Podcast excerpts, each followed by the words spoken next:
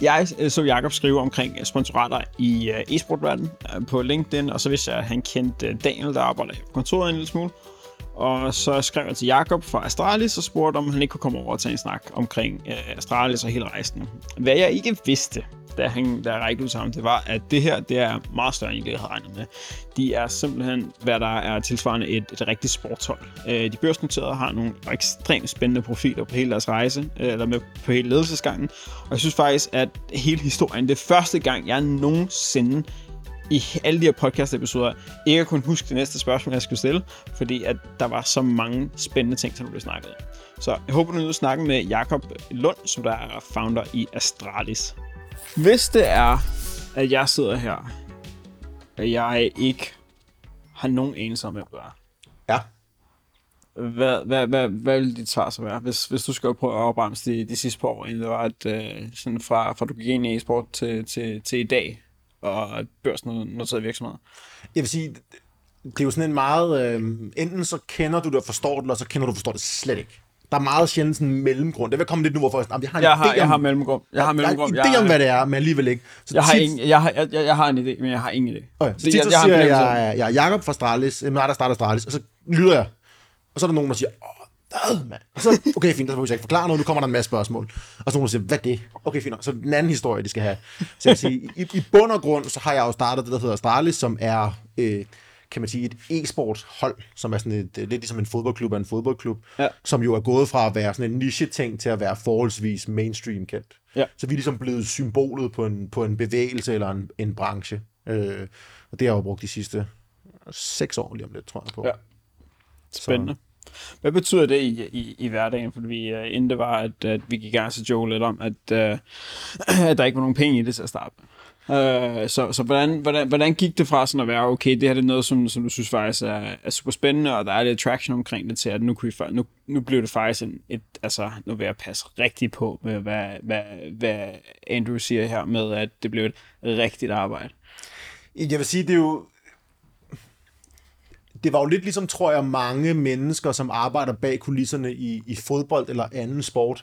Altså, fordi det, det bliver typisk starten drevet af en passion for det. Mm-hmm. Jeg tror, hvis du spørger mange af dem, om vil du gerne have været professionel fodboldspiller, for eksempel, siger ah nej, siger de så. Altså, hvis du tager en løgnetægt så jo, det vil jeg gerne. det vil jeg gerne have været. Præcis. Så, så jeg, jeg, jeg, blev også fanget af de her konkurrenceelementer. Jeg har altid været sådan en konkurrencemenneske, jeg har spillet basketball, har en masse forskellige ting. Jeg blev lige pludselig draget meget af det her med, jeg kom jo fra en verden, hvor jeg skulle til træning fire til fem gange om ugen, jeg skulle cykle igennem regnvejr, og når jeg så skulle spille kamp, så skulle jeg varme op i to timer, og vi skulle have taktikmøder, og hvis jeg var heldig, så spillede min træner mig, og også fik lov til at sidde på bænken, og så var hele ugen ligesom spildt. Her kunne jeg bare ligesom logge på og spille.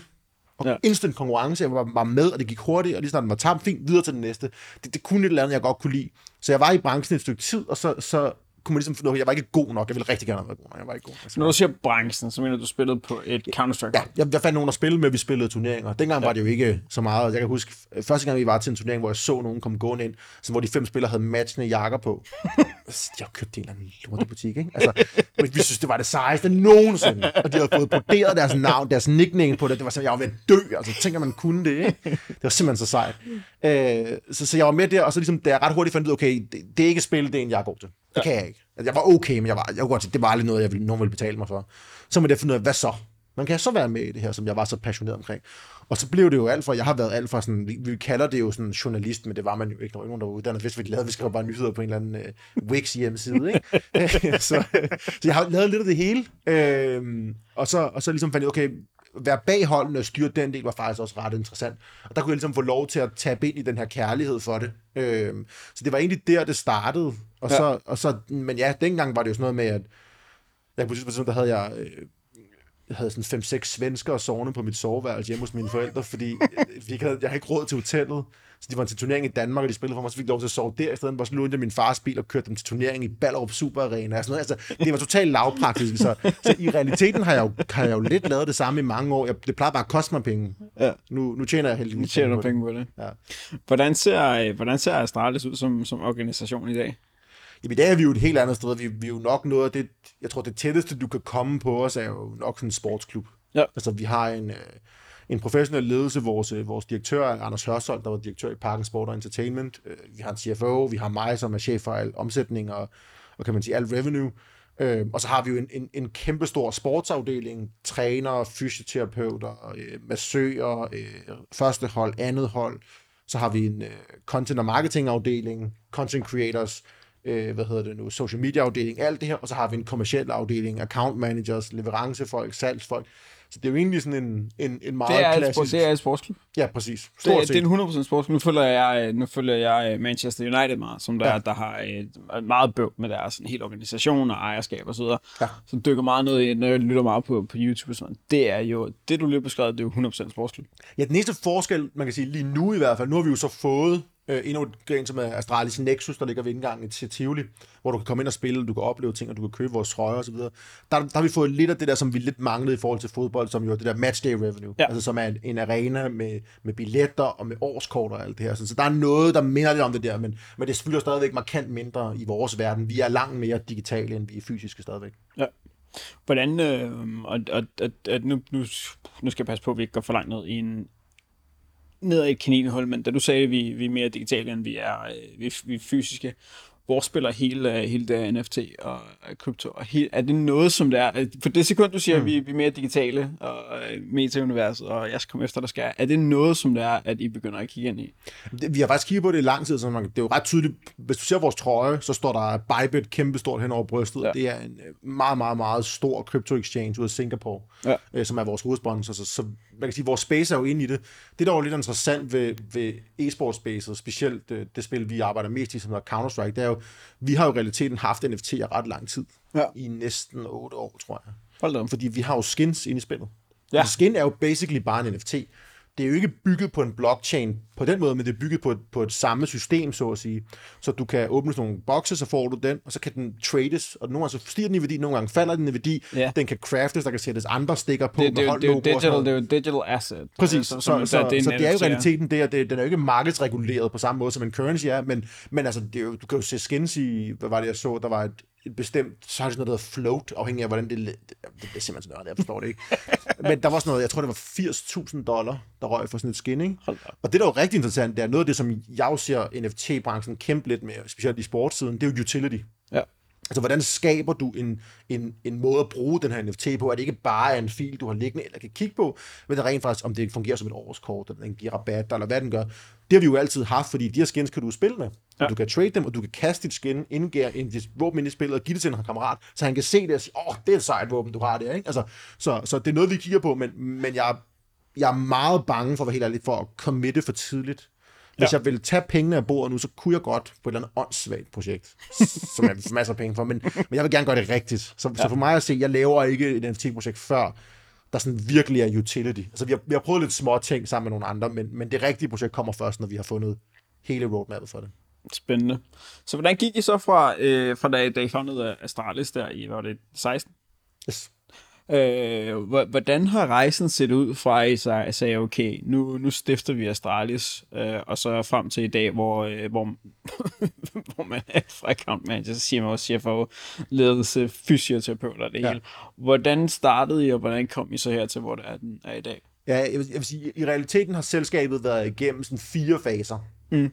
Det første fase, det var ligesom startup-fasen.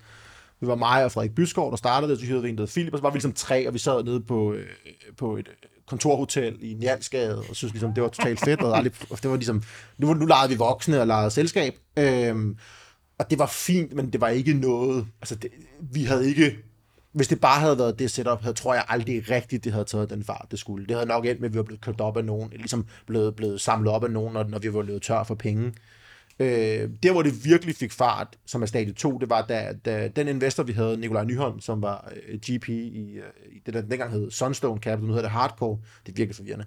øh, ham og Tom Aders, ligesom vores to investorer. Ja. Og da Nikolaj tilbyder at forlade Sunstone for at joine det her sammen med os, der får ligesom noget andet klinge, fordi vi var sådan meget uerfarne, og vi troede jo, jamen, jo mindre penge vi spørger om, jo større chance er der for, at de siger, ja, vi, vi har jo ikke nogen forståelse for, hvordan venture funding overhovedet fungerer.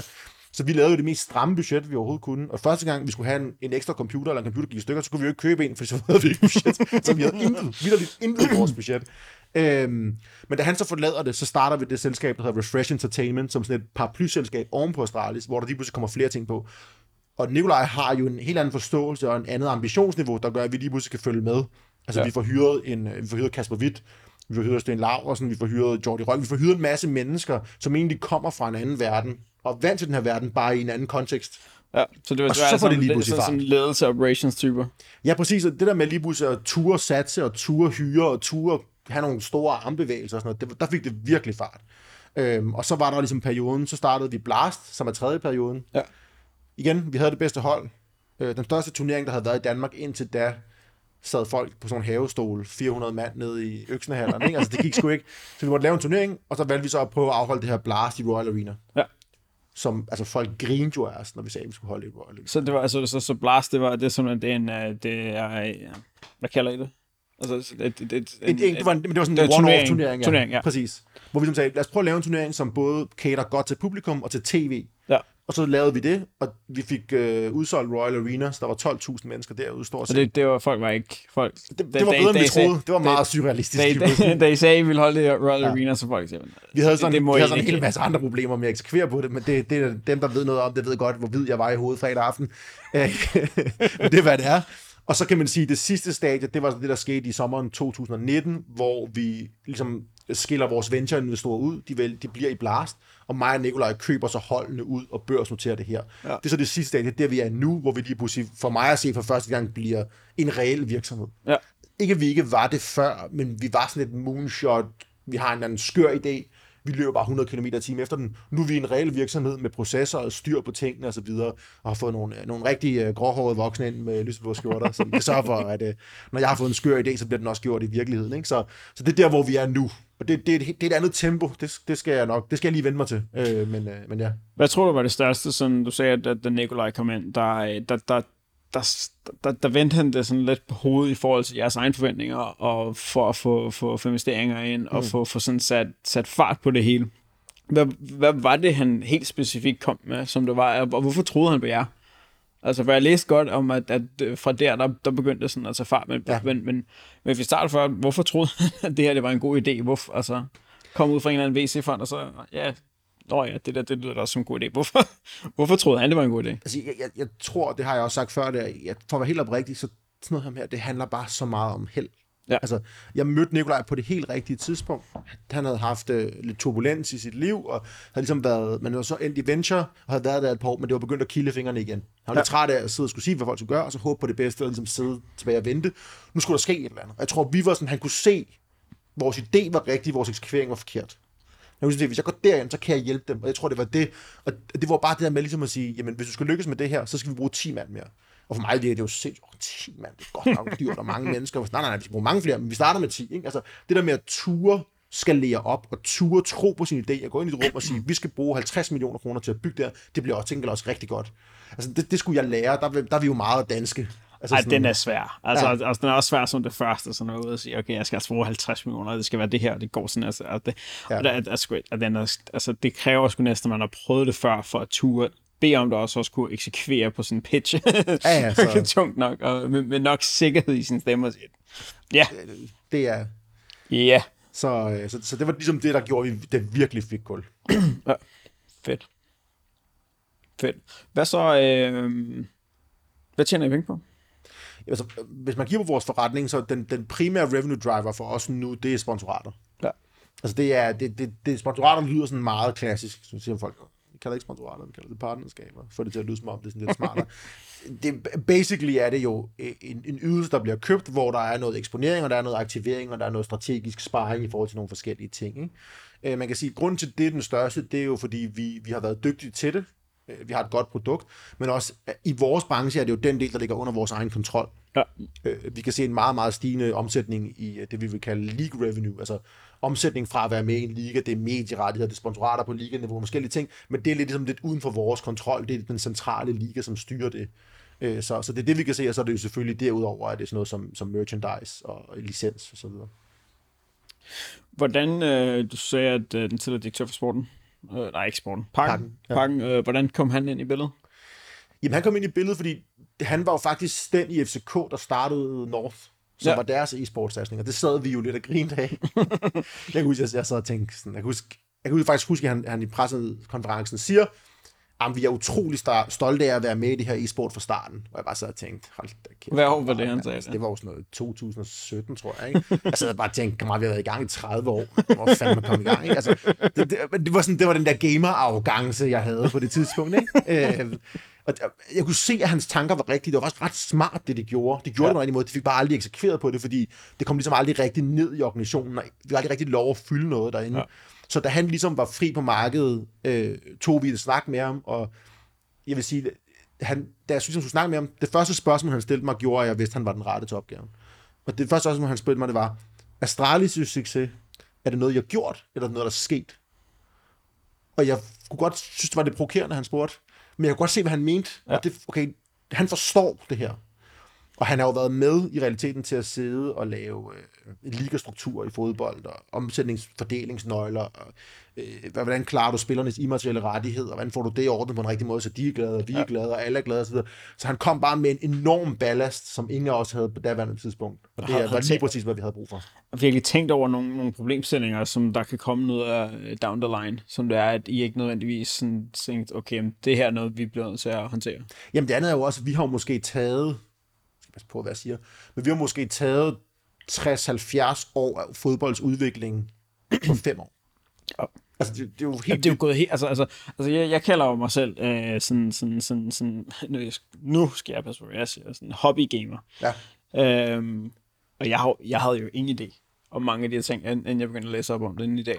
Altså, ja. hvor, altså min, min bror ser... Jeg har siddet og set Astralis kampe og generelle kampe og turneringer hmm. flere gange, mange gange sidste par år. Øh, aner slet ikke, det var så stort. Jeg har da, jeg har da set billederne, jeg har set sådan, mm. til holdene gå ind og sådan noget, men jeg havde da ingen, jeg havde da ingen idé om, hvor stort det var blevet. Ja. Jeg kan da godt høre, min bror, han har da fortalt om det før, og jeg har da bare ikke hørt rigtigt efter. Men det er, jo, det er jo sket i sådan en niche, fordi klassisk havde du jo brug for sådan nogle mainstream medier for at blive store. Det var ja. aviser, det var radio, det var alle mulige forskellige ting, tv. Vi har jo ligesom kunne vokse, på grund af internet har vi kunne vokse meget, meget, meget, meget stort, uden folk rigtig har lagt mærke til os. Fordi ja. det eksisterede på platformen, hvor som er mainstream for dem under 30, men dem over 30 har slet ikke set det. Så det er blevet meget, meget stort, og det var der en masse vokseproblemer, som vi skal fikse. Og der, der har han ligesom været meget, meget værdifuld i at være med til at lede det her med, hvordan får vi rent faktisk bygget den struktur rigtigt, fordi det, som e-sport jo skal finde ud af nu, det er, hvordan konverterer vi det fra at have været sådan en hype-ting, til at være en reel forretning. Og det er jo det, vi har brugt de sidste par år på, og synes selv, vi, vi er ved at være der, vil jeg sige.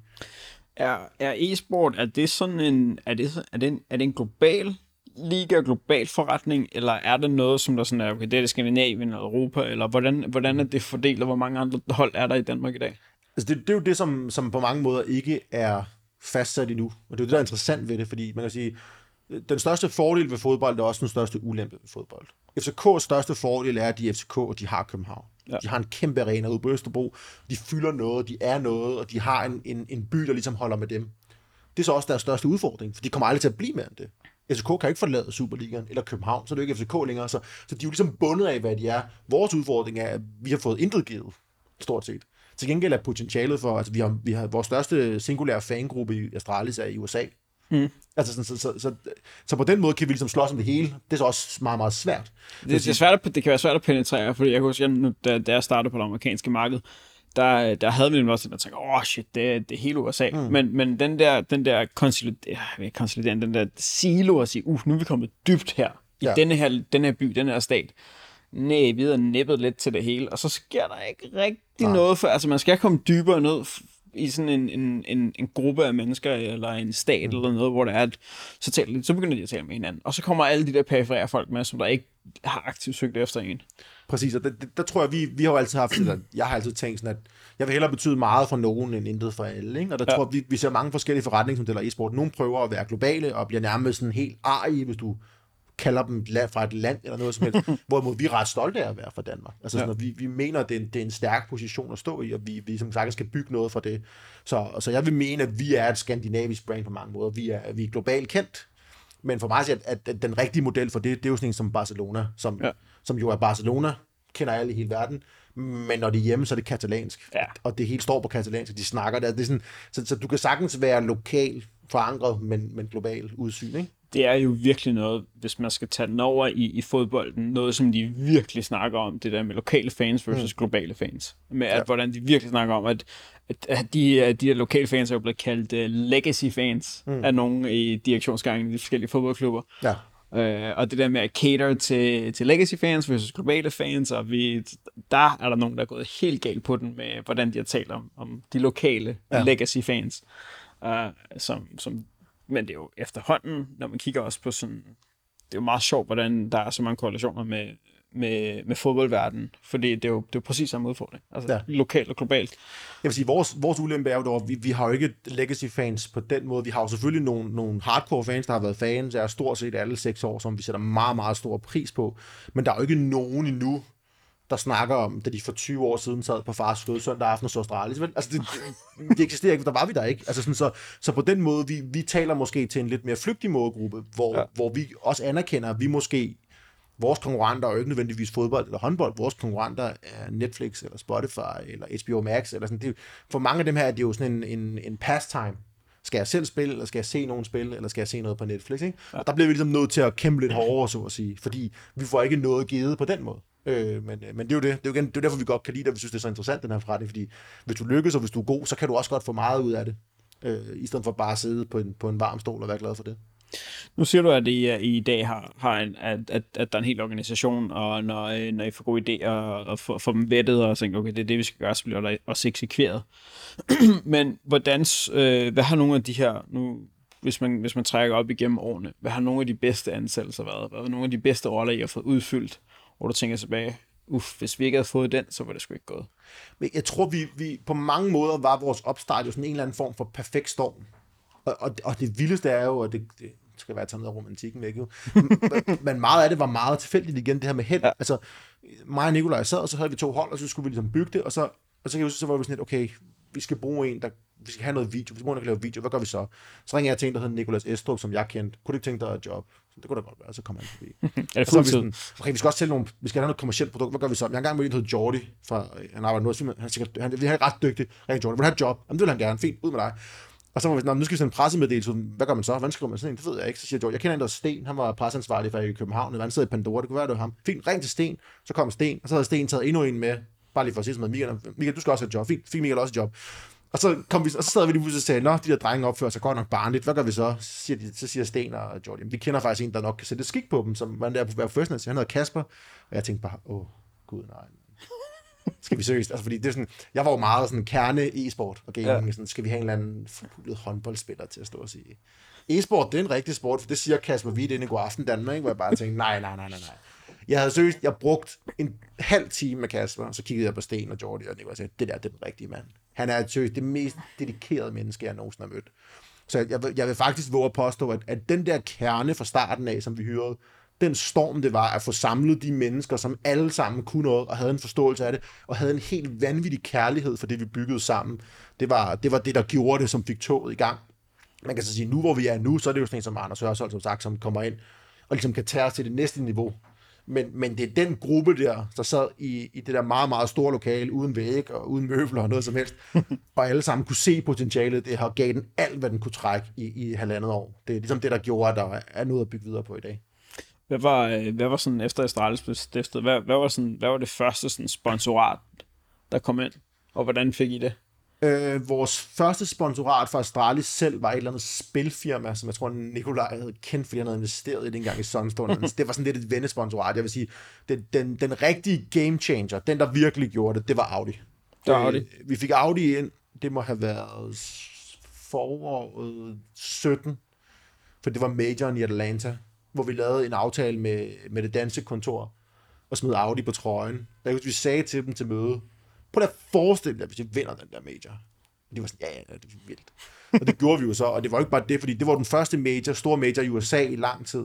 Og den blev afholdt det, der hedder Turner, som havde E-League. Ja. Og Turner er jo TBS, så det var de største øh, tv-netværk i USA. Så de kørte den live på tv i finalen. Jeg husker, vi fik en eller anden Nielsen-rapport omkring den der værdi af Audi-logoet på det der ting. Altså, det var så højt et tal, at jeg så tænkte, det kan ikke sende det her. Det virker simpelthen for useriøst. Altså, at vi har skabt så meget, fordi det kan ikke passe. Og det var jo, da vi annoncerede det sponsorat, så var det jo sådan noget med, øh, en, ESPN ringede den amerikanske marketingdirektør op for Audi, for at sige tillykke med aftalen, og han var sådan, jeg aner ikke, hvad du snakker om. Aldrig hørt om det her. Og så ringede de til Tyskland, og Tyskland siger, jeg ved, hvad, jeg ved, hvad der foregår? Og så fandt de ligesom ud af, at det er Danmark, der laver et eller andet hernede. Hvad, hvad foregår der? Og så må de ringe op til Danmark og sige, hvad, hvad sker der? Altså, vi bliver kimet ned. Så det var den, der ligesom sådan knækkede kurven. Den, vil jeg sige, og så øh, vores samarbejdsaftale med, med Jack and Jones, der kom kort tid efter. Ja. Det er ligesom de to, der løftede os og gjorde os. Og så er det nogle hårde lærepenge i, hvordan man skal gøre tingene. Det skulle vi jo lige lære, men det var dem, der ligesom skød os op på, et- på et niveau, hvor vi kunne begynde at bede om rigtige penge. Hvad var det så, der, hvad var det, der ikke virkede? hvad var det sværeste ved at, ved at begynde at arbejde med, med sponsorater og, og hele det her? Jeg tror, det, det sværeste er jo, kan man sige, at, at tage noget, som er så emotionelt, og så flyvsk, og prøve at gøre det konkret. Altså, du, du køber jo ikke et sponsorat på en CPM, eller på en eller anden konverteringsgrad, Nej. eller et eller andet. Det, det, du er nødt til at, at gøre det noget følsomt, og det skal du lære at aktivere på den rigtige måde. Det, det er nemt at sidde i et rum, hvis du er en god sælger, hvilket jeg vil mene, jeg selv er for eksempel, så kan du godt gå ind i et rum med nogle mennesker, og få dem til at tro på et eller andet. Og så kæft, de kommer i et rum, Ej, det er godt. Det. Det er skide godt, ikke? Og så lander den aftale nede hos øh, Jytte i marketingafdelingen, og hun sidder og kigger på den og siger, hvad er det her? Og så, og så ryger den til siden, så glemmer vi den lidt. Og så står du to år senere og siger, nej, det var sgu ikke rigtig godt, vel? Altså, mm. Fordi problemet er også, der er jo, vi har jo ikke de der åbenbare leverancer, som bare er nemme. Hvis du sponsorerer en fodboldklub, så får du de, de tre B'er, billetter, bespisning og bander, ikke? Ja. Altså, så, og, så, og det er 80 procent, og det får du altid, og det er nemt, og det er en konvolut, og så får du at vide på torsdag kl. 4, der er- kommer den og den tidligere spiller ind og holder et foredrag, og så ser vi kampen. Det er sådan ret nemt, hvor vi stod med totalt blank slate af, hvad er leverancen? er det post på sociale medier? Er det videoer? Hvad er det? det, der skulle vi finde det, og der var nogle hårde lærepenge nogle gange, både for vores side, men lige så meget på kundens side. Altså, hvad, hvad gør jeg med det her? Hvordan skal jeg bruge det? For de vidste ikke, hvordan de skulle tale til vores, til vores kundegrupper. Der fandt vi ud af, at vi, vi var ikke bare en rettighedshaver, som kunne sælge en rettighed, og så sige held og lykke med det, brug den så godt du kan. Vi bliver ligesom nødt til at være mere en strategisk sparringspartner, fordi ellers så, så kan de ikke selv finde vej i det. Medmindre det er en, en kernepartner, som en, en Logitech, der lever under e-sport. Ja, hvad med sådan noget som, hvad betyder det, I at, I at sådan påtaget jer sådan en rolle som sådan den der mellemmand, sådan mediebror noget, som der normalt sådan, som former den strategiske plan for bag det her sponsorat, eller bag det her samarbejde, partnerskab, hvad vi end skal kalde det. Mm. Så skal vi have det her budskab ud, skal have, vi skal have bygget hele den her plan omkring det. Er det, er, er det jer, der tager på, er det, men- det mener, I har påtaget den rolle, fordi I kender målgruppen Ja, det- bedre det bliver end, vi end alle andre derude? Øh, vi gør typisk det med en kunde, at vi bygger en platform. Altså hvis ja. man finder ud af, hvad er kommunikationen, hvad snakker vi om, hvad skal vi med det her, hvorfor har vi gjort det her, og så ligesom, kan vi begynde at lægge vores eksekveringsplan bagefter. Øh, ja. Men igen, det er, altså, det, er en, det er en svær ting, og det er en svær størrelse, og vi, vi bliver bedre og bedre til det, men vi skal stadig blive endnu bedre endnu. Øh, men, øh, men jeg vil sige, vi, i forhold til vores branche er vi langt fremme, og det kan man jo også se på den, den liste af partnere, vi har i forhold til mange af vores konkurrenter. Nu, nu spurgte du selv, hvem der ellers er. Der er jo et par andre danske hold, der er et par andre nordiske hold, som gør det rigtig godt på mange måder. Men jeg vil sige, om, om noget har vi jo forstået, at det er ikke nok at være god til Counter-Strike, eller god til League of Legends, og gå op på en scene og have et logo på trøjen, og så stå og vinke lidt og sige, at det var vores arbejde. Altså, Ja. det, der, skal ligge noget mere i, og det har vi været villige til at investere i, og det, det bliver vi bedre og bedre til. Der, der, det er specielt der, vi er langt foran de andre. Og det er jo også, altså, det er jo, det er jo altså, hvis, det er en parallel, det er jo, det er jo, det er jo alt forretning. Hmm. Det, det, det, er ikke, altså kerne, altså, vi kan alle sammen være gode til det, som det er, vi faktisk starter virksomheden for. I jeres tilfælde e-sport, andre hmm. tilfælde marketing, og andre tilfælde, så er det at starte en spartel masse forretning. Man kan godt være skide god til lige den del, hmm. men det er hele forretningen, der gør, at, at det er forretningsdelen, der gør, at det faktisk bliver en god forretning, og at ja. man kan leve af, og man kan leve rigtig godt af. Um, Jamen, jeg, jeg tror specielt i vores branche, fordi den er jo svær, fordi den er så passionsdrevet. Altså det der med sådan, at det er jo... Der var jo mange i vores branche, som blev sådan helt sure nærmest, når jeg sagde til dem, i bund og grund er sponsoren pisse ligeglad med spillerne. Han er pisse ligeglad, med, hvilke spil de spiller. Det eneste, der betyder noget for sponsoren, det er de mennesker, som den spiller betyder noget for. Ja. Altså det er dem, der kigger. Ja, det er det, de vil tabe ind i. Ja. Det er det, vi kører ind i. Det er det, Så ja. du, har ikke, du har ikke gjort dit job, fordi du vinder kampen. Ja. Du har gjort dit job, fordi nogle mennesker synes, du er fed, hvis du har vundet kampen. Ikke? Og det er jo det, det, er det, de, det havde de svært ved at forstå mange mennesker i vores branche, at det var, jo, det var jo de der millioner af mennesker, der sad online og så det. Det er den, der er vinklen. Det er dem, der er interessante, fordi de har en passion for det. Og dem skal vi ære ved ligesom at kunne tabe ind i det her på en rigtig måde. Hvordan ser et, hvis du skal løbe mig igennem, hvordan et godt sponsorat ser ud, efter det er, I har, I har lært det nu, fordi du har, du har, snakket, du har snakket før, har du, jeg, jeg læste, at, at det ikke bare er lige at smide et logo på trøjen. Nej. Det, det, er ikke der, hvor du, du snakker lidt om det at skabe den her platform, men, men hvad betyder det egentlig i praksis? Hvis du kan løbe igennem et eksempel. Jamen, i, i praksis betyder det jo, at du skal have en idé om, hvorfor, hvorfor gør du det. Mm. Altså, hvad, hvad er det her? Og jeg tror, det, det aller, aller vigtigste, det er jo det her med at være ægte omkring, at du mener det. Fordi det, jeg jo tit ser, det er, at, at, at nu hvor det, ligesom det, så bliver det et buzzword, så rykket e-sport, sætter det rigtig ind i, så er der en eller anden, der siger, brug, brug det penge på det der e-sport, det er sgu meget fedt. Altså sådan, de der nørder der, der kan få de penge. Men det er sådan, de, de vil det ikke rigtigt, og de er ikke stolte af det, og så gør du faktisk mere skade, end du gør gavn. Øh, det kommer til at virke sådan lidt tærske der, men et rigtig godt eksempel for mig på det her, det er, for nyligt lavet øh, Coca-Cola en stor gaming-kampagne. Mm. Og den var et slap in the face på hele e-sport community. Og det forstod de slet ikke. De har hyret et eller andet øh, mega dyrt reklamebureau, og den har kostet millioner af dollars sikkert at lave, men den var simpelthen så forfærdelig. Grundpræmissen var, en pige, der spiller en e-sport turnering, øh, dør i spillet, drikker hun Coca-Cola, og så lever hun op igen, og så i stedet for at slås, så bliver de alle sammen bare venner. Altså, det, fuldstændig hjernedødt. Altså, fordi ikke nok med, at det er en åndssvag reklame. Altså, det er jo, øh, det er jo Pepsi-gate igen, ikke? Altså, tag en, tag en Pepsi, Black Lives Matter, så slap af. Altså, det er sindssygt præmis. Men det, der er jo så vanvittigt ved det, det er jo, at de, de, de det er jo som om, at de ikke forstår, at, at vores konkurrence er det, vi lever for. Jeg, jeg altså, så godt den reklame. Prøv at forestille dig, at du laver en reklame, hvor du siger til Messi og Ronaldo, I skal bare stoppe med at spille fodbold mod hinanden. Det er det, I ikke forstår. I skal bare være venner. Det er meget federe.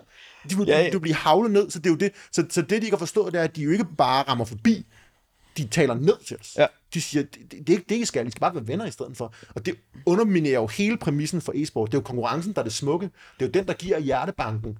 Det er jo, når det står 14-14 eller 15-15, eller hvad, lige går i overtid i Royal Arena. Altså, det er jo der, det summer, som det aldrig har summet. Når det er den ja. afgørende runde, og det er en mod en, den der, oh, den følelse, jeg får helt kuldegysninger af at tænke på det, ikke? Ja, jeg det, på. Det, det er det. Ja. Og den præmis ødelægger de fuldstændig. Så det er vigtigt, at du forstår, og du er villig til at tage det her alvorligt. Altså, fordi ellers så skal du lade være.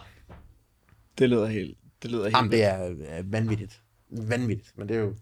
Der er vildt, der ikke er en eller anden, der lige har siddet derinde. Skal vi ikke lige prøve at vise den til en, der ved, hvad de snakker om? Men det, Ja, skal vi ikke lige prøve at vise den til en i målgruppen? For den der er jo Jamen, løbet er- igennem afsindig mange godkendelser. Ja, det er, ja, det, det er den helt sikkert, men det...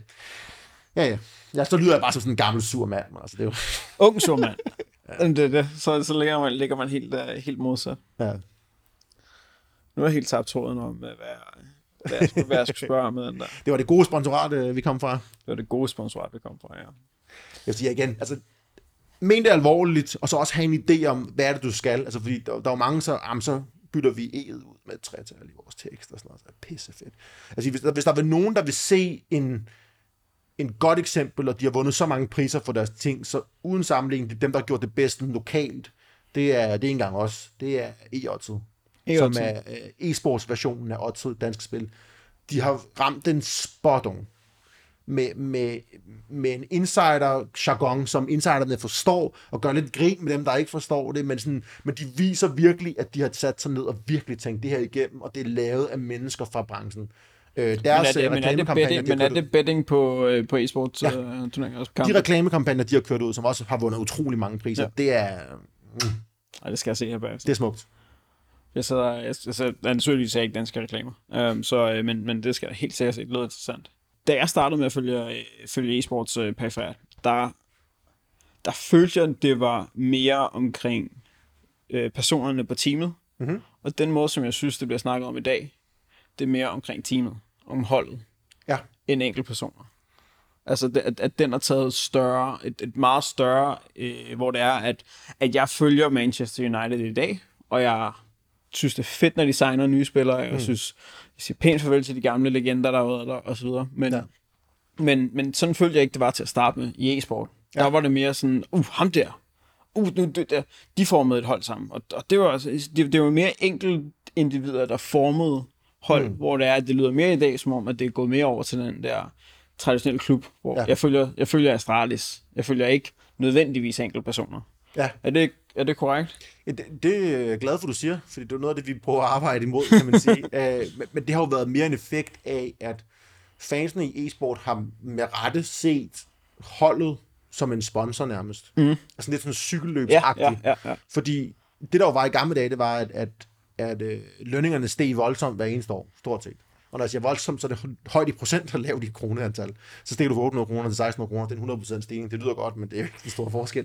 men, men det, det skiftede så meget, at der var aldrig nogen spillere, der skrev mere end et år i kontrakter, fordi det var simpelthen åndssvagt. Ja. Altså, fordi vi er meget længere frem om et år, ned som vanligvis. Og det gjorde jo, at de skiftede hele tiden. Så for eksempel det hold, som blev til Astralis, som ligesom er den, den kerne, der vandt har vundet rigtig, rigtig meget, og mange af dem stadig er hos os i dag. Det startede jeg faktisk i, i mit forhåndvandsselskab, der hed Copenhagen Wolves. Ja. Og så var de et år hed de Wolves, så hed de et år hed de Dignitas, så hed de et år TSM, og så skiftede de til Astralis. Og det gjorde jo, at fansen ikke fik noget forhold til andet end drengene. Ja. Og det var jo noget af det, vi prøvede. Det var også derfor, i starten startede vi med at give spillerne aktier. Fordi vi vil gerne have, at I bliver her hos os. Det skal være stjernen, det handler om. Så det har været et meget bevidst valg, men jeg tror også, det er fordi, at, at holdene bagved bliver bedre og bedre og større og større, og rigtige, kan man sige, organisationer. Så øh, der er selvfølgelig en, en, en masse persondyrkelse, det skal der jo være. Altså, Ja, præcis. det var jo noget det, vi gjorde i starten også, det var at prøve at, at menneskeliggøre de her spillere, få folk til at forstå, hvem de er, og hvad de kan, og hvor hårdt de rent faktisk har arbejdet for det her. Men, øh, men, men vi gør jo meget ud af, at det er stjernen, der er stjernen, så at sige. Det er der er historien. Og den, den skal jo også bygge noget legacy, der gør, at selvom det ikke er de samme mennesker, der har trøjen på i dag, som det var for et år siden, så de værdier, vi står for, og de historier, vi har bygget op, ligesom tæller videre. Så, øh, så det er jeg glad for, du siger. Det betyder, at øh, vores øh, brand og marketingfolk gør det godt. Men jeg synes nemlig, det er, jeg synes nemlig, det, det, det, er meget, det er meget passende. Jeg tænker, jeg tænker også sådan lidt, hvis, når, øh, når der er en, det, var, det, er også, det må også være sådan lidt en naturlig proces, at når, når, når, en, når en fra teamet øh, smutter, eller bliver signet et andet sted, eller I signer en ny til at erstatte en af de eksisterende, jamen så sker der også, altså, så, så sker der løbende sådan en, "Nå, nu kan jeg ikke 100% kun være med ham og ham, fordi den ene, jeg godt kunne lide at gå fra teamet, mm. men jeg kan egentlig godt lide teamet, godt lide holdet. Så, Ja. så nu, nu føler man sig lige så stille og roligt mere med holdet. Men jeg, jeg tror også, at- den moderne sportsfan er sportsfan på en anden måde, end vi er vant til. Fordi de der barriere og grænser ligesom er brudt lidt ned. Øh, nu er jeg stor basketballfan og følger meget med i det. Mm. Det du kan se i NBA, det er jo netop, at, at LeBron-fan, fansene er LeBron-fans lige meget, hvor han er. Ja. Om det er Miami, eller om det er Cleveland eller LA, de følger ligesom med. Og det er jo fordi, før i tiden var den primære kommunikationsplatform, var jo stadion, tv og radio. Mm. Og der havde spillerne jo ikke rigtig noget space.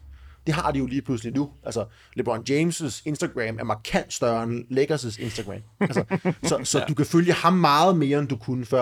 Og jeg vil sige, jeg tror også, det, det sker til dels også i e-sport, men jo bedre de her spillere bliver til at blive sådan nærmest mediehus i sig selv, er det bare en naturlig udvikling. Jeg tror, de, dem, der er 10-12 nu, når de er 25-30 år, så kommer de til at være sportsfans på en helt anden måde, end vi er vant til i dag, som ikke nødvendigvis er betonet af, hvor de bor, eller hvem der lige er den, øh, hvad hedder det nu, øh, det, det hold, de har fulgt med. Jeg tror, de bliver meget mere fleksible, og det bliver mere sådan en flydende underholdningsting. Ja, fordi det bliver en, bliver en altså, altså, altså I, I, om, om, om nogen er i en branche, hvor det er, at I faktisk i dag er underdogs, baseret på hele den, den demografiske del af, af, af derude, af, af fans derude, fordi, så jeg er 33 år gammel, jeg, jeg voksede op med at spille Counter-Strike, Mm. men jeg voksede ikke op med at spille e-sport, Nej. men, og jeg er kun 33. Mm. Dem, der vokser op i dag, der spiller Counter-Strike, der spiller computerspil, følger e-sport. Og det er den der, altså det, det er en rigtig stor, altså hvis vi så siger alt under mig, Ja. er, er, er potentielt fan. Ja. Kan der selvfølgelig også være 33 op, der er fans og så videre, det er jeg slet ikke luk for, men, men stadigvæk nok færre assumption at sige, at størstedelen over 33 er ikke e-sportsfans.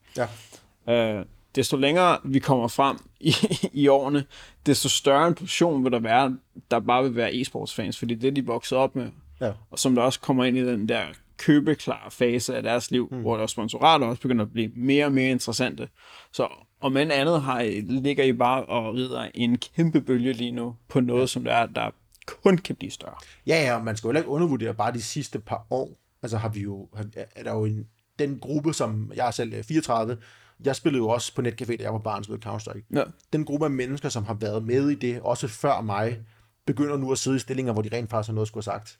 Så jeg sad snart med en marketingdirektør for en potentiel kunde i dag, og han sad og sagde, ja, han var stor fan, og han fulgte selv med, og han havde også spillet, da han var ung, og så videre. Ikke? Det, det skete ikke for fem år siden. Så der var de mennesker ikke i de positioner endnu. Så, sådan, så, så det er jo bare, Ah, en, ja, det er jo bare en, en naturlig udvikling, tror jeg, som, som heldigvis bliver, bliver bedre og bedre. Men, men ja, altså, det er jo, dem i dag kommer til at vokse op med det på en helt anden måde, end vi har kunnet. Og så tror jeg også, der er et andet aspekt i det, som er ret interessant, og det er jo, at, at nu kommer jeg jo af- barnsben fra basketball, og basketball er jo om noget en enormt diskriminerende sport. Ja. Altså, jeg blev udtaget til mit første ungdomshold, da jeg var uge 15, og jeg fik at vide, jeg tænkte, yes, man, jeg er skidegod. Og så siger han til mig, min landstræner siger til mig, siger han, ja, Jacob, du er udtaget. Jeg siger, nå, fedt, tak. Jeg siger, ja. Jeg siger, jeg kan jo lære folk at spille basketball, men jeg kan ikke lære folk at blive højere. og så siger jeg, nå, okay. Så det du siger bare, at jeg er faktisk rigtig dårlig, men jeg er stor. Ja, okay, tak. Så var jeg med, ikke? Så halvdelen af holdet var store, halvdelen af holdet var gode. Den findes ikke i e-sport. Altså, jeg kan huske, jeg har spillet en turnering, da jeg var sådan 16-17 år, tror jeg. Og så mødte vi op til de her LAN-events, som var i en eller anden gymnastiksal et eller andet sted. Og så kommer en af mine holdkammerater, han kører i kørestol. tænkte jeg, det var, det han aldrig sagt. Så, det var egentlig irrelevant. Han rullede jo bare op til bord, og så var han med. Ja. Og det her med, at, at du ikke du er ikke for lille, eller for langsom, eller for et eller andet. Altså sådan, du, hvis du skal spille i NBA, så skal du være så 0,001% physical specimen. Ellers så glem det. Altså, det er stort set umuligt. Det skal du ikke i e-sport. Alle kan være med, uanset køn og størrelse og vægt og alt muligt andet. Så jeg tror, der kommer til at være flere unge, der kan spejle sig i muligheden for at blive noget her. Det tror jeg kommer til at være en ret interessant dynamik senere i livet. Altså, det må jeg, det, det, den vinkel havde jeg slet ikke set på det, og hvis, hvis man kombinerer det med, med internettet, sådan, sådan uendelige muligheder i at skabe nischer, mm. og, og, og, og, under, og underkategorier på underkategorier på underkategorier, mm. Så, så, altså, så, så kan altså, det der kan fortsætte i uendelighed. Ja, ja, du kan sidde derhjemme og spille, bare for dig selv, og blive så god, at du kan næsten at du kan være med på det professionelle niveau. Altså, jeg har engang signet en spiller, som spillede i League of Legends, som var i, helt oppe i toppen af League of Legends og hans uh, nickname, når han spillede, man har sådan et navn, det var Søren. og hvad hedder det nu? Uh, der, den bedste danske spiller uden sammenligning uh, på daværende tidspunkt i Europa hed, Søren, hed også Søren. Så alle troede, det var ham mm. når de spillede mod ham. Det var det så ikke, det var en anden dreng, men det var ikke nogen, der vidste. så da vi en dag fandt ud af det, ham der skal jeg have. Og så fandt vi ud, så tog vi hjem til ham, og så lige pludselig gik han fra at uh, få at vide aften inden hans forældre, nu skulle han også til at stoppe med at spille så meget computer. Det udsøgt til sådan en uge senere at tjene mere end sine forældre. altså sådan, prøv at forestille dig, at nogen kommer til at sige, at vi har faktisk fundet en uh, ny spiller til Superligaen. Ja, ja, han har aldrig spillet holdfodbold før, han har bare spillet en have. Han er virkelig god. Altså sådan, det, det, eksisterer jo ikke, men det kan det her, og det er jo det, der er så ja. sindssygt. Så vi kommer til at få nogle af de der helt vilde historier, hvor vi opdager en eller anden, der lige pludselig kan. Ikke? Og det, det synes jeg er ret fedt. Det kan, det kan noget. Er der noget, som, som, som du er blevet fortalt igennem årene, som der, er, der faktisk, øh, som, som, som folk har lige fortalt dig, eller, eller en person, der har fortalt dig, som, som der er blevet ment som en fornærmelse, men som du faktisk har været rigtig stolt af? Ja, det, det vil jeg mene. Men det, det tror jeg mere var folk, der havde misforstået, hvad jeg kunne. Og det, det var, jeg fik, jeg fik tit at vide i starten, altså jeg, da vi hyrede Jordi helt tilbage i tiden, så havde jeg ligesom, hvem, hvem var Jordi? det var vores kommersielle direktør. Ja. Jeg havde altid været god til sådan, den der salgsting, men jeg havde ikke noget træning i det, jeg vidste rigtig, hvad jeg lavede. Jeg var jo bare et barn, for ja. at være helt ærlig. Og så sad der lige pludselig en ældre herre i pænt tøj ved siden af mig, og så kunne jeg lige pludselig tage det alvorligt. For det var jo vores største udfordring i starten. Det var jo folk, der havde tænkt, det lyder sgu meget fedt, men ah, det, det tror jeg sgu ikke på, det der, vel? Altså, så jeg havde brug for en, ligesom kom, han havde været kommersiel direktør i Brøndby, og havde noget vægt i, det er altså godt nok der, Okay, fint, så tør jeg, ikke? Men der var jo mange, der sagde til mig dengang, du er her jo kun, fordi du er gamer. Så tænkte præcis. Altså, jeg, jeg, jeg tror, det var, det var jo det, som, som, som mange ikke forstod. Det var jo, at, at det var derfor, jeg var der. Og det var derfor, når jeg sad i et rum med mennesker, som, altså med, med, med Nikolaj og med Jordi og med Sten, mennesker, som på papiret, jeg aldrig nogensinde skulle have siddet i et rum med. Men jeg havde noget, jeg vidste, som ingen af dem vidste. Ja. Og det var min styrke. Og det var jo det, jeg ligesom brugte til at sørge for, at jeg hele tiden var relevant. Og det tror jeg, man, man skal ikke undervurdere det at være rigtig dygtig eller vide rigtig, rigtig meget om noget, fordi mange af de her, når du møder dem, som er sådan store erhvervsfolk eller andet, de er generelt også formet deres karriere blevet ret meget generalister. Ja. Altså, fordi de skal ikke være rigtig gode sådan noget, de skal aldrig dykke ned. De skal hele tiden have overblik. Så hvis du skal vise dig at være relevant for dem, så skal du være rigtig dygtig til noget. Hvis du er rigtig dygtig til noget, så, kan du blive, så, du, så har du en mening, og du skal kunne noget, i stedet for at prøve ligesom at kunne det hele det, så, så, så bliver du mere sådan en mellemvare. Så jeg vil hellere være rigtig dygtig til noget. Det var det, jeg kunne. De tro, folk troede ligesom, de talte ned til mig, fordi ham der gameren bliver glemt lige om lidt, ikke? Men det vidste, jeg, det vidste jeg, jeg ikke ville blive, fordi de ved ikke, og til i dag ved de stadig ikke, hvad jeg ved. Fordi jeg har været her i 20 år, og jeg har venskaber med alle overalt, og det er jo det, jeg kan. Ja. Så, så, så lige så meget som jeg anerkender det, de kan. Ja. Men det her, det kan jeg, det kan de ikke, og så kan de noget, jeg ikke kan. Og så skal man ligesom finde den der balance. Og det var jo min motivation helt fra starten, det kan jeg stadigvæk tydeligt huske. Det har aldrig handlet om pengene for mig. Ikke at jeg vil sige nej til dem, hvis de er der. men det er aldrig, altså min motivation har altid været, jeg vil ikke blive den der token founder. Ja. Jeg vil ikke være ham, som blev skubbet ud på et sidespor, når de voksne kom.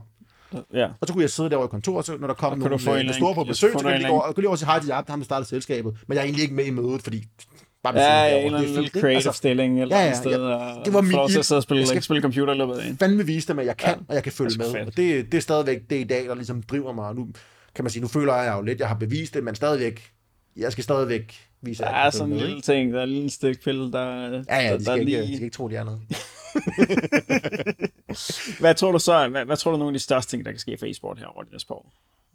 Hvad, hvad er det bedste, der kan ske for jer? Jeg tror, det, det bedste, der kan ske for os, det er faktisk, at det, der er sket i Danmark, begynder at ske andre steder, for at være helt ærlig. Altså, fordi det, der er sket i Danmark, det er, at vi, slog, vi sparkede døren ind. Vi var de første til at lykkes med det her. Men i realiteten vil jeg argumentere for, at, at på lige fod med os, har TV2 gjort lige så meget for udbredelsen af Counter-Strike i Danmark, som vi har. Ja. Fordi det, at de køber rettighederne, betyder ikke bare, at de viser det. Det betyder jo også, at de begynder at skrive nyheder omkring det. De begynder ja. at dække det, og de begynder at gøre en masse aktiviteter rundt omkring det. Og hvis du lige pludselig kommer til at se BBC i England gøre det, hvis du kommer til at se en TBS i USA gøre det her, så kommer der lige pludselig nogle muskler bagved. Det er jo det, er jo det der gør, at, at, at, at fodbold også bare er overalt hele tiden.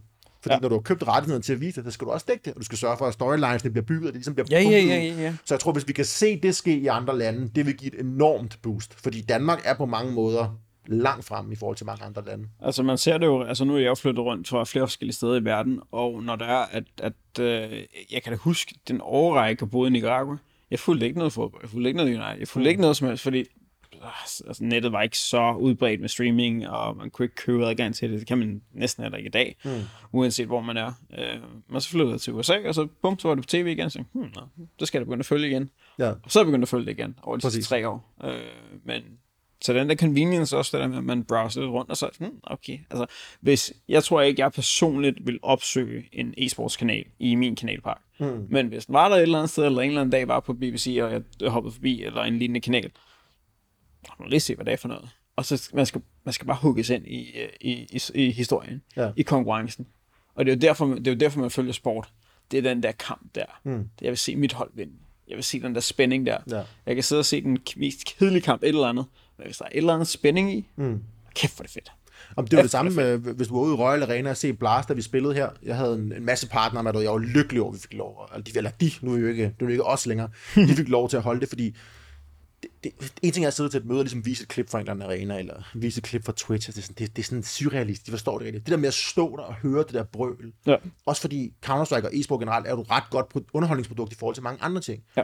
Altså, vi, vi prøvede på et tidspunkt at få overtalt nogen til at gøre det, vi kom aldrig i gang med det. Jeg kan også bare prøve at sætte en hjertemåler på en fan i løbet af en fodboldkamp og en, en counterkamp. Jeg tror, det peak, der sker, når nogen scorer et mål i fodbold, det sker jo altså 140 gange i løbet af en Counter-Strike-kamp. Altså, Ja, ja. Vi vandt første Jamen, det, runde. så minder det mere om basket. Præcis. Med frem og tilbage. Ding, ding, ding, ding, ding. Præcis, men vi vandt første runde i Royal Arena i vores første kamp, og det eksploderede derude. Ikke? Altså, og vores partner var jo helt, nej, nej, det er jo, det helt vanvittigt det her. Altså, sådan, så, emotionelt kan det noget, Ja. øh, som jeg tror, der, der, der griber mange. Også selvom du ikke helt forstår, hvad der foregår, så bliver du, bliver du båret med. Ikke? Ja, man så, kan kun blive det der. Altså, jeg har været til, til altså, i- jeg har været til baseballkamp, hvor jeg blev sådan lidt, lidt, lidt båret med, og baseball er kedeligste verden. Ej, der, der, er, der er ikke fart på i hvert fald. Ej, jeg kunne ikke. Altså, jeg, der, han, jeg, sad ham, der så ham dernede på, på, et par pladser længere ned for mig. Han meget stille og roligt tykkede igennem en stor pose peanuts. Det, og jeg tænkte bare, det der, det er det samme som det der. Altså, altså det, det kan jeg ikke. Og så, så, så sidder jeg og snakker med sidemanden, og så er der et home run. Nå, men det så jeg ikke. Hvor bliver det genudsendt? Det gør Ja. det ikke. Så sidder jeg, nå. Hvor var food court hen? De skal bare gøre ligesom i e-sport. Masser af ild og kæmpe højtaler, du. Så kører det. Altså, når, når bomben springer i counter, så skyder de jo ild af, så kan du mærke varmen i hovedet. Er det ramt rigtigt? ikke? Ja, ja, det er... Hvis man får Det chancen, det man skal se en af, en af specielt Blast-produktionerne. Øh, de, er, de er simpelthen så dygtige til det der. Hvor spændende. Det vidste jeg ikke, de gør. Jamen, det er... Ellers, så, Det lyder så, virkelig smart. Det er sådan, sådan lidt som de gør i 4D-biografsaler. Altså. Jamen, ellers så kan man google, kan man sige, øh, vores, øh, vores entry i Royal Arena. Den måde, de præsenterer os på, det er, det er et vildt show. så det er jo også, det hjælper også, og det er meget, meget vores hjemmebane. Hvad er det, som der er sådan de største, nu er vi, vi er jo hoppet frem og tilbage, men, men hvad er sådan nogle af de største udfordringer, eller hvad er den største udfordring, som, som I arbejder på, eller du arbejder på lige i øjeblikket? Altså, vi er jo, Hvad er det mest interessante, kan man også sige?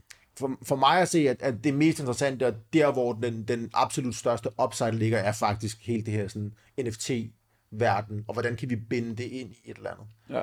Jeg tror, at dem, dem som hamrer den lige i røven, øh, om det er gaming eller e-sport, kommer til at tjene 100 millioner Ja. af dollars. Altså det, det er så stort et potentiale, og det er så stor en mulighed for at engagere vores fans Ja. og alle de mennesker, der følger med i e-sport, men den er godt nok svær at ramme rigtigt, tror jeg.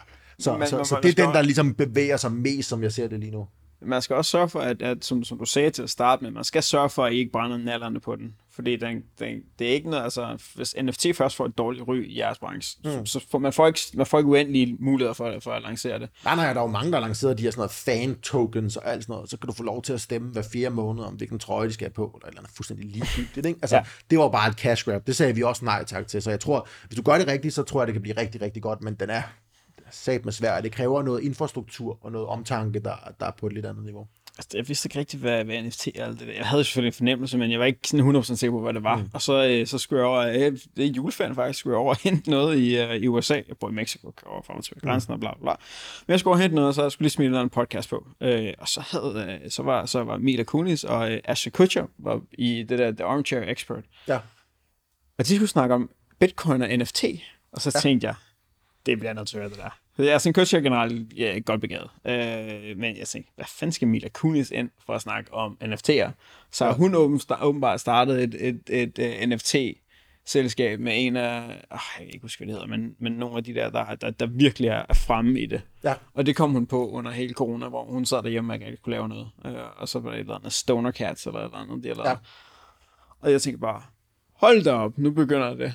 Øh, når det er, at, at de finder på at skulle lave tegnefilm, som det er, der skal købes for 2.000 dollar, som det er, de så man får, kan få lov til at sælge videre, og så er der fli, der går af til det mm. hele, og tænker, okay, det der, jeg forstår det slet ikke. Uh, og så, så begynder man at sige, okay, det var de tidlige forsøg på at gøre det. Ja. Men, men jeg, jeg vil våge at påstå, at i e-sportsgamet der, den barriere, som der er, der er fra almindelige dødelige, til at købe en NFT, eller benytte sig af NFT'er på ene eller anden måde. Mm. Jeres gap er så meget mindre, fordi som du siger til at starte med, folk er vant til at købe skins, folk er vant til digitale assets. Nå, men altså, alle vores kommunikationsformer, vores fans, er jo digitale. Vi skal ja. jo ikke sidde på, i en tv-reklame og sige, gå ind og køb en NFT, og så skal du på internettet, og så skal du, altså, vi kan, altså jeg tror nærmest, hvis du bygger det ordentligt, kan du nærmest lave det som en, en attachment til Twitch-stream, ikke? Altså, Præcis. Så, så det, det, barrieren er, er kort, men igen, det kræver, at du gør det rigtigt. Jeg vil sige, det, er jo, det interessante ved NFT er jo også, som hun nævner, du kan jo lave rayback fees, så hver eneste gang den skifter hen, og så får du en procentdel af salget. Ja. Jeg tror, det der kommer at blive rigtig sjovt, det bliver at se, hvordan nogle af de her enormt stærke sådan second-hand brands får engageret. Sådan, det kunne være en, øh, en Louis Vuitton, som bruger en NFT som et ægthedsbevis på alle deres tasker. Så det vil sige, på fortsat, hvis Louis Vuitton kunne rake 2,5% af alle sekundære, tertiære transaktioner af Louis Vuitton. Så når du hele... køber den på trend sale, så skal du købe NFT'en også for at vise den ægte, og så ryger der lige nogle penge tilbage til trend. Jeg tror ikke engang, de ikke på den tidspunkt vil de nå, så vil ikke engang lave nye tasker. De kan Præcis. bare sidde og kigge på pengene, der ruller ind. Ikke? Altså... Det, det ændrer jo hele gamet. Altså for alle, der nogensinde har lavet en forretning baseret ja. på projektbaseret salg, og gået over til en sådan recurring revenue model. Ja. Det har jo ændret hele deres forretning. Altså, jeg har jo siddet med, jeg har jo siddet med, med, med venner, som der driver, driver store bureauer, som det er, at, at deres tigger går på nul hver ja. måned. Og vores tigger starter på en million. Den ene, den 30. Mm. og den første. Ja. Knald, knald. Og, og det, bare, der er sådan en kæmpe forskel på, hvor, hvor lidt ekstra gas vi skal lægge på vores ballon, mm. på salg, for at, for at slå alle den, så den der recurring revenue kan virkelig slå ved noget ved det der engangs, uh, engangssalg. Ja, ja, men det er jo det, og, så kan man sige, kan man, kan man binde et eller andet interessant ind i det. Øh, og så, så tror jeg, at den sidste ting, det er jo, at vi skal jo aldrig undervurdere menneskers ego. Ja. Altså, om det er dyre uger, eller hvad det er, vi elsker at vise os frem. Og du kan jo se, det der er jo sket nu med, med, med pandemien, det er jo, at jeg tror, det var, der var en, der sagde, at en, en tredjedel af alle forhold startede online før nu kommer vi nok til at krydse 50% på et eller andet tidspunkt, fordi du, du, det, det, var, det, var, øh, det var online, det var arbejde, og det var, hvad hedder det nu, fritidsaktiviteter eller et eller andet andet, ikke? Altså, som også at tage i byen. Nu eliminerer du et par af dem, fordi folk ikke møder ind. Ja. Så, så hvad gør vi så nu? Nu skal vi have noget nyt, så, så møder vi folk på nettet. Hvad gør vi så i stedet for at købe en Aston Martin eller et dyrt ur eller en flot taske? Hvordan kan vi så spille smart? Jeg, jeg tror, altså jeg vil sige, jeg, jeg tror enormt meget på NFT'er. Ja, efter, efter jeg lyttede til den episode, og et par andre også, blandt andet på, på Tim Ferriss podcastet, så er jeg også blevet, altså mine øjne er blevet åbnet på et niveau, hvor det er, at, at, at jeg forstår, at jeg forstår det ikke. Mm. Jeg, at jeg forstår, at... at, at det, er det, det er et godt sted at starte. at jeg forstår, at, at hvordan det er, det bare, det her, det bliver... Det, jeg forstår ikke, hvordan det kommer til at se ud om, om to, tre, fem år, mm. men jeg forstår, det er noget helt nyt. Og det, kommer, det, kommer, det kommer til at vende nogle ting på hovedet, og, og ligesom internettet bygget noget ud, som det er, at, hvilket er jo helt hjernet. Så, så vores virksomhed er, at vi laver serviceydelser for at køre annoncering på en hjemmeside, der er en del af internettet. Hmm. Altså, hvor mange led noget væk fra, at internettets begyndelse ligger vi i fødekæden. Ja. Og det er der, hvor jeg føler, at NFT er i dag at, at den er så tidlig, at, at man kunne sidde for 20 år siden eller 30 år siden og sige, ja, nu kommer der til at være en milliard forretning eller en milliard industri om at købe annoncer, om at være mellemmand på en annoncering på en hjemmeside. På, altså, ja. altså det, det, vi er helt derude, hvor mange forretninger, der bliver skabt på det der NFT'er. Præcis, og det er jo specielt for os interessant i forhold til sportsverdenen, fordi det vi jo begynder at se nu, nu bliver det virkelig nørdet, det er jo, at, hvad hedder det nu, øh, forretninger, som er bygget med en meget, meget høj, kan man sige, sådan, øh, øh, revenue per user. En rigtig god forretningsmodel, men en meget, meget lav NPS-score begynder at finde måder at få det på. Og det er jo typisk medier, det er jo typisk sport, du får det på. Mm. Så, så for hver bruger, vi har, den bruger for Bybit er måske 2.000 gange mere værd. Så jeg tror, det vi begynder at se, nu, nu fik vi jo for eksempel, øh, igen, ja, alt hvad jeg snakker om, handler om basketball på en eller anden plan, uh, Stable Center, som man lægger sig hjemmebane. Ja. Det skifter jo navn nu til FTX Arena. Mm. Eller jeg tror, det er FTX Crypto Arena, så kalder de den The Crypt nu, for det er meget grineren ting. Sygt. Øhm, men, men det er jo sådan, der er undskyld, det er jo ikke FTX, det er Crypto.com, der har købt Ja. ja. den, derfor kan han købe det. Crypto.com har købt den, FTX har købt Miami's arena og sådan noget, så lige pludselig begynder de at komme ind, fordi de har noget power, fordi Ja. deres forretningsmodel. Og jeg synes, det er jo rigtigt, sådan, jeg tror, vi begynder at se fintech-selskaber begynde at købe medie- og underholdningsselskaber. Altså, Ja. Jeg tror kun, det er et spørgsmål. Inden for de næste 2-3 år, så kommer et fintech-selskab af en eller anden art til at købe en stor sportsproperty. Om det er et Premier League-hold, om det er, det ved jeg ikke. Men på et eller andet tidspunkt, så sidder de til, hvor det hvad, jeg skal betale dig så mange millioner dollar om året sponsorat. Du kan ikke bare købe dig så. Man kan sige, det var det Red Bull har gjort. Jamen præcis, de var meget, meget tidlige. Ja. Fordi deres, øh, de har jo så FMCG, som var det gamle. Det var det gamle krypto, ikke? Så at nu er det jo nye internet. Et, altså, krypto er jo en internet FMCG. Øhm, så ja, så det, det, er jo- det, ja, det, det bliver et vildt space, tror jeg. Det er jo, og der er jo nogen, der argumenterer for, at, at NFT, bare NFT-muligheden, kommer over de næste par år til at løfte sådan en, en, en 2-3x værdien af alle store legacy sports brands. Fordi de har 50, 60, 70 år af, af billeder, af video, af oplevelser, af ting, som bare kan NFT's hele lorten. Så, så det, det, er jo fuldstændig vanvittige tider. Men, uh, Og den kan I tabe ind i, i årene, der kommer. ja, vi har så kun 6 år at gøre godt. Ja, ja, men så kan, så kan I byde, så kan I bygge mere op på det. ja, præcis. Vi skal have skabt noget mere historie. Så er der en konstatant så. Cool. Er der noget, jeg ikke har spurgt dig om i dag, som du synes er super spændende at snakke om? Øh, jeg vil sige, at det, det, i, i forhold til, hvad I laver og så videre, tænker jeg, at samtidig har, har, har omhandlet overraskende lidt om e-commerce og så videre, men det er jo, øh, det er jo hvad det er. Øh, det er jo, jeg vil sige, det er jo heller ikke der, vi er bedst, så det, der, der, der, der, er vi jo også i gang med at lære meget, så det er ikke fordi, der er noget der, jeg har brug for at spille smart med. Nej, det, er, det handler jo meget omkring det her med at, at, at have nogle historier og nogle sjove ting. Jeg, jeg, jeg er sikker på, at... Så I laver slet ikke noget e-commerce i dag? Jo, vi gør lidt, men det er ikke, altså det, det, er, det er ikke en markant stor del af vores forretning. Vi bliver bedre og bedre til det, Hvor meget af jeres forretning er merchandise? det må jeg ikke sige. Okay. Ja, jeg har lært lidt. Men det kan man jo sige, altså, altså hvis der er, man siger, at man, man sælger noget i en butik, øh, som der er øh, af trøjer, og din dutten og datten, så skal det vel også sælges online. Og, så Ja, kan men det, er jo- det, er jo, det er jo i bund og grund, det kommer til at lyde totalt kynisk der, men det er jo i bund og grund udfordringen for alle sportsforretninger. Det er, hvordan konverterer du den kærlighed, dine fans har, til en eller anden form for monetær værdi. Ja. Altså, det det er jo grundpillen af det, vi laver, og det er jo en måde at gøre det på. Øh, og det, det skal gøres ordentligt. Det er, jo noget, det er jo desværre også der, man skal gøre det med respekt for sine fans. Man skal ikke bare prakke dem noget på. Igen, derfor vi ikke har en, øh, en Astralis token, så du stemme om trøjerne. Øh, fordi vi, vi vil gerne vise respekt for vores fans, og hvis de skal købe noget, skal de også købe noget ordentligt. De skal købe noget, bare fordi vi gerne vil printe nogle penge. Spændende. Men så lad os godt den der. Tusind, tusind tak, for at du gad at komme. Det var så det. Fantastisk. Tak for det. Tak.